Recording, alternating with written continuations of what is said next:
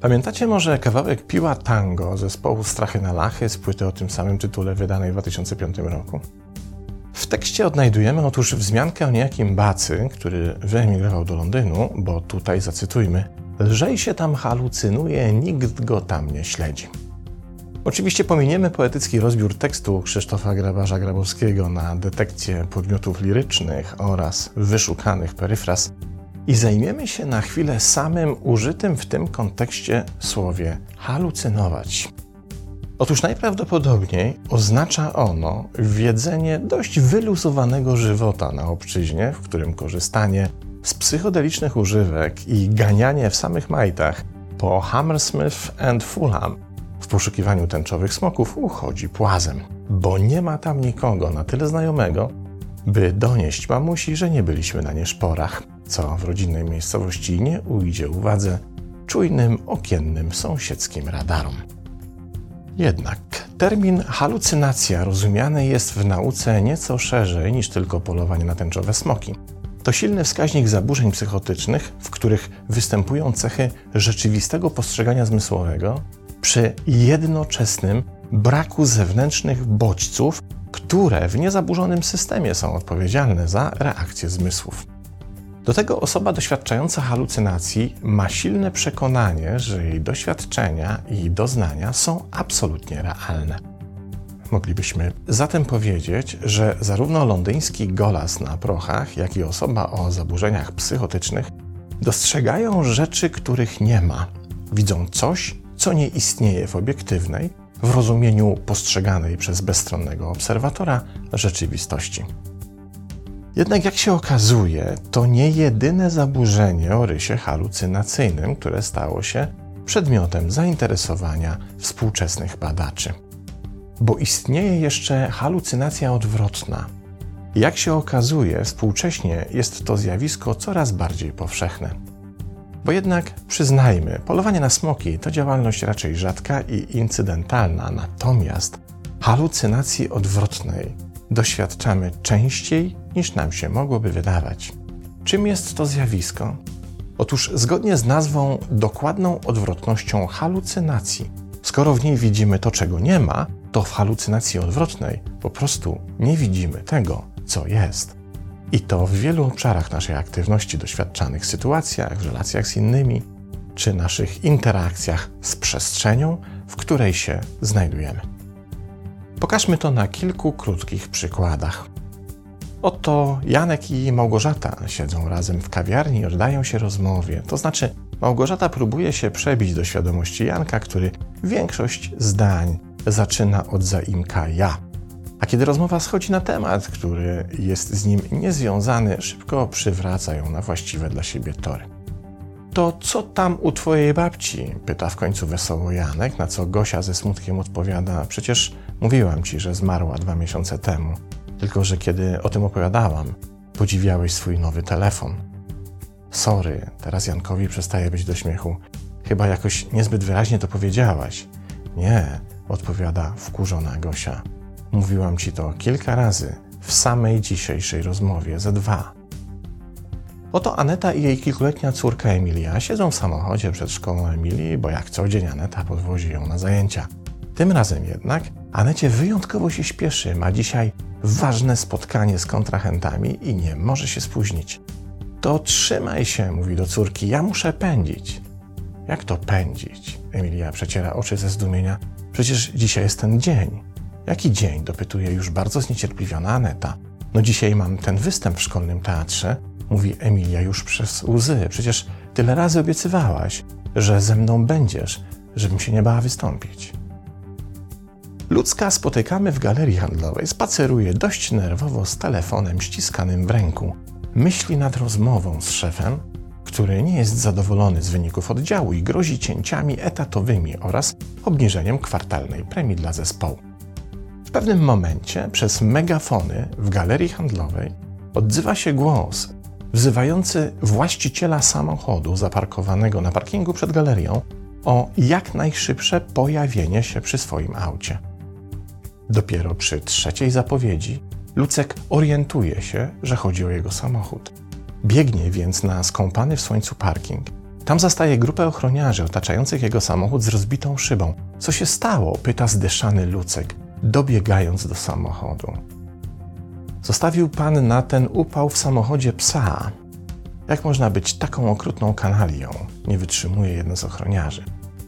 Dopiero teraz Lucek widzi, że przy samochodzie leży truchło psa przykryte folią. Nie zdążyliśmy go uratować, mówi ktoś do Lucka, ale Lucek już nie słucha. Przed oczami ma jedynie swojego 11-letniego syna, który tyle razy mówił, że Burek to jego jedyny i najlepszy przyjaciel.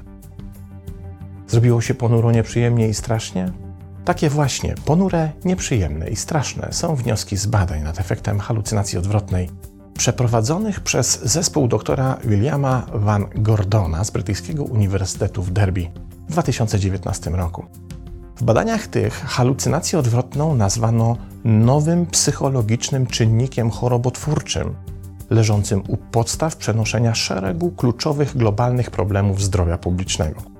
Uznaje się ją za odpowiedzialną za, tu cytuję, odgrywanie aktywnej roli w stopniowym przenoszeniu chorób tradycyjnie uważanych za niezakaźne, takich jak problemy ze zdrowiem psychicznym, otyłość i uzależnienia od mediów społecznościowych.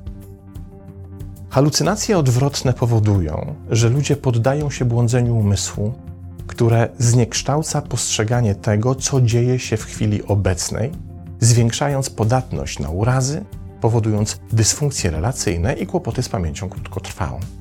Doświadczamy ich w tych wszystkich sytuacjach, w których nasz umysł jest na tyle pochłonięty myślami, dedykowanymi czemuś, co znajduje się poza naszą obecną przestrzenią i kontekstem aktywności, że jednocześnie tracimy zdolność do samoświadomości na trzech poziomach.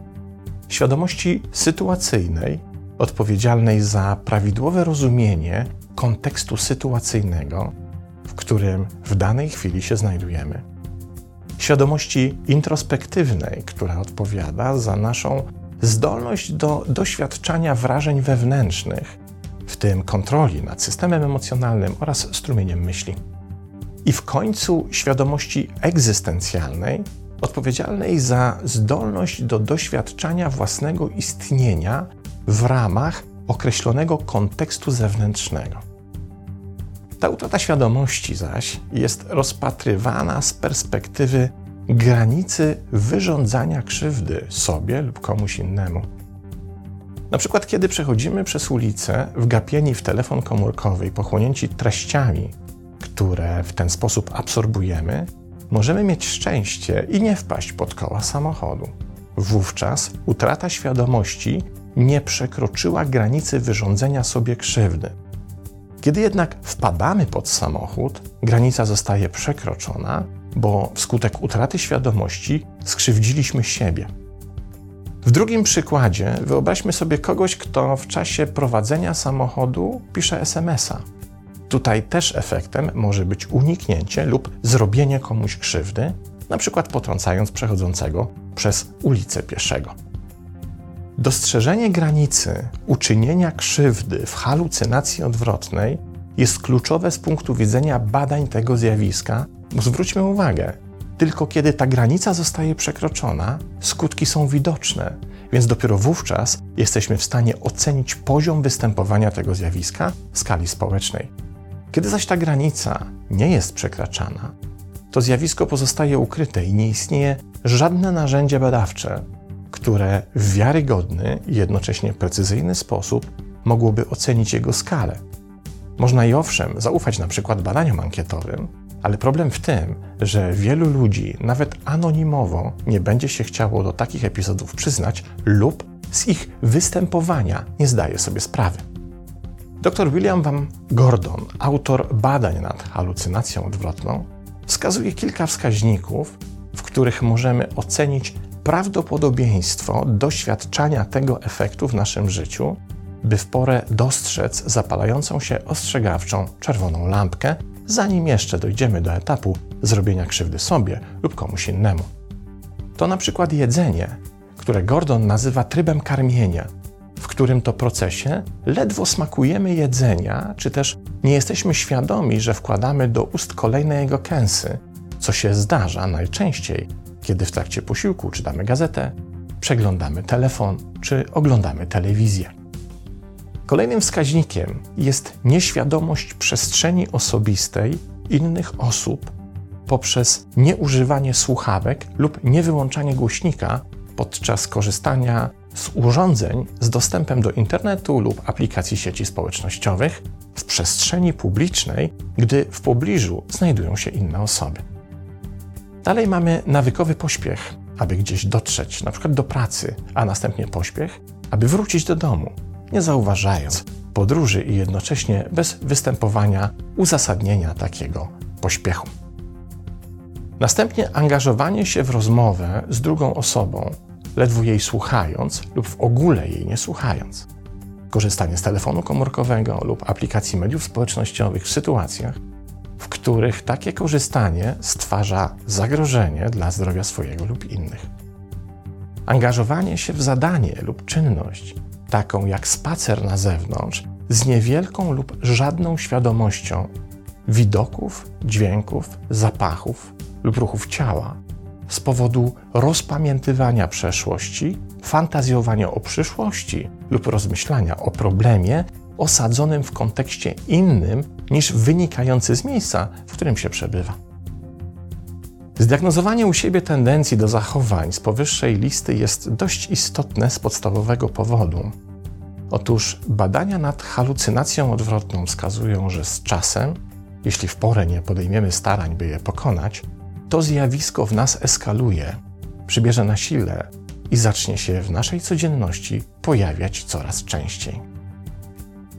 Dzisiaj jedynie nie usłyszałeś, jak znajomy w rozmowie mówił o czymś dla niego ważnym. Za kilka lat zapomnisz o zostawionym w nagrzanym i zamkniętym samochodzie dziecku. To straszna wizja, ale niestety życie pokazuje, że wcale nie zmyślona. Jak się zatem bronić? Co zrobić, kiedy zauważymy u siebie pierwsze, nawet póki co delikatne i wydawałoby się niewinne symptomy halucynacji odwrotnej? Dr Gordon podaje jak na razie jeden sprawdzony sposób obniżenia intensywności, a z czasem pozbycia się tego efektu. To uważność ćwiczona przede wszystkim w praktyce nieformalnej, o której mówiłem już w kilku mini wykładach, więc nie ma potrzeby po raz kolejny tego wałkować. Przy czym warto pamiętać, że uważnościowa praktyka formalna, czyli medytacja, znacznie przyspiesza proces radzenia sobie z halucynowaniem odwrotnym. Każdy ma swoje smoki, jedni tęczowe, na które polują biegając po ulicach wielkich miast. Inni, i tych jest najwięcej, również muszą się zmierzyć ze smokiem, tyle że akurat w przypadku halucynacji odwrotnej to smok, którego hodujemy we własnej głowie i na własne życzenia. Przystępując zaś z nim do walki, zanim ubierzemy się w zbroję i dobędziemy miecza, warto pamiętać, że im mniejszy, jeszcze niewyrośnięty jest nasz przeciwnik, tym łatwiej nam go pokonać. Pozdrawiam.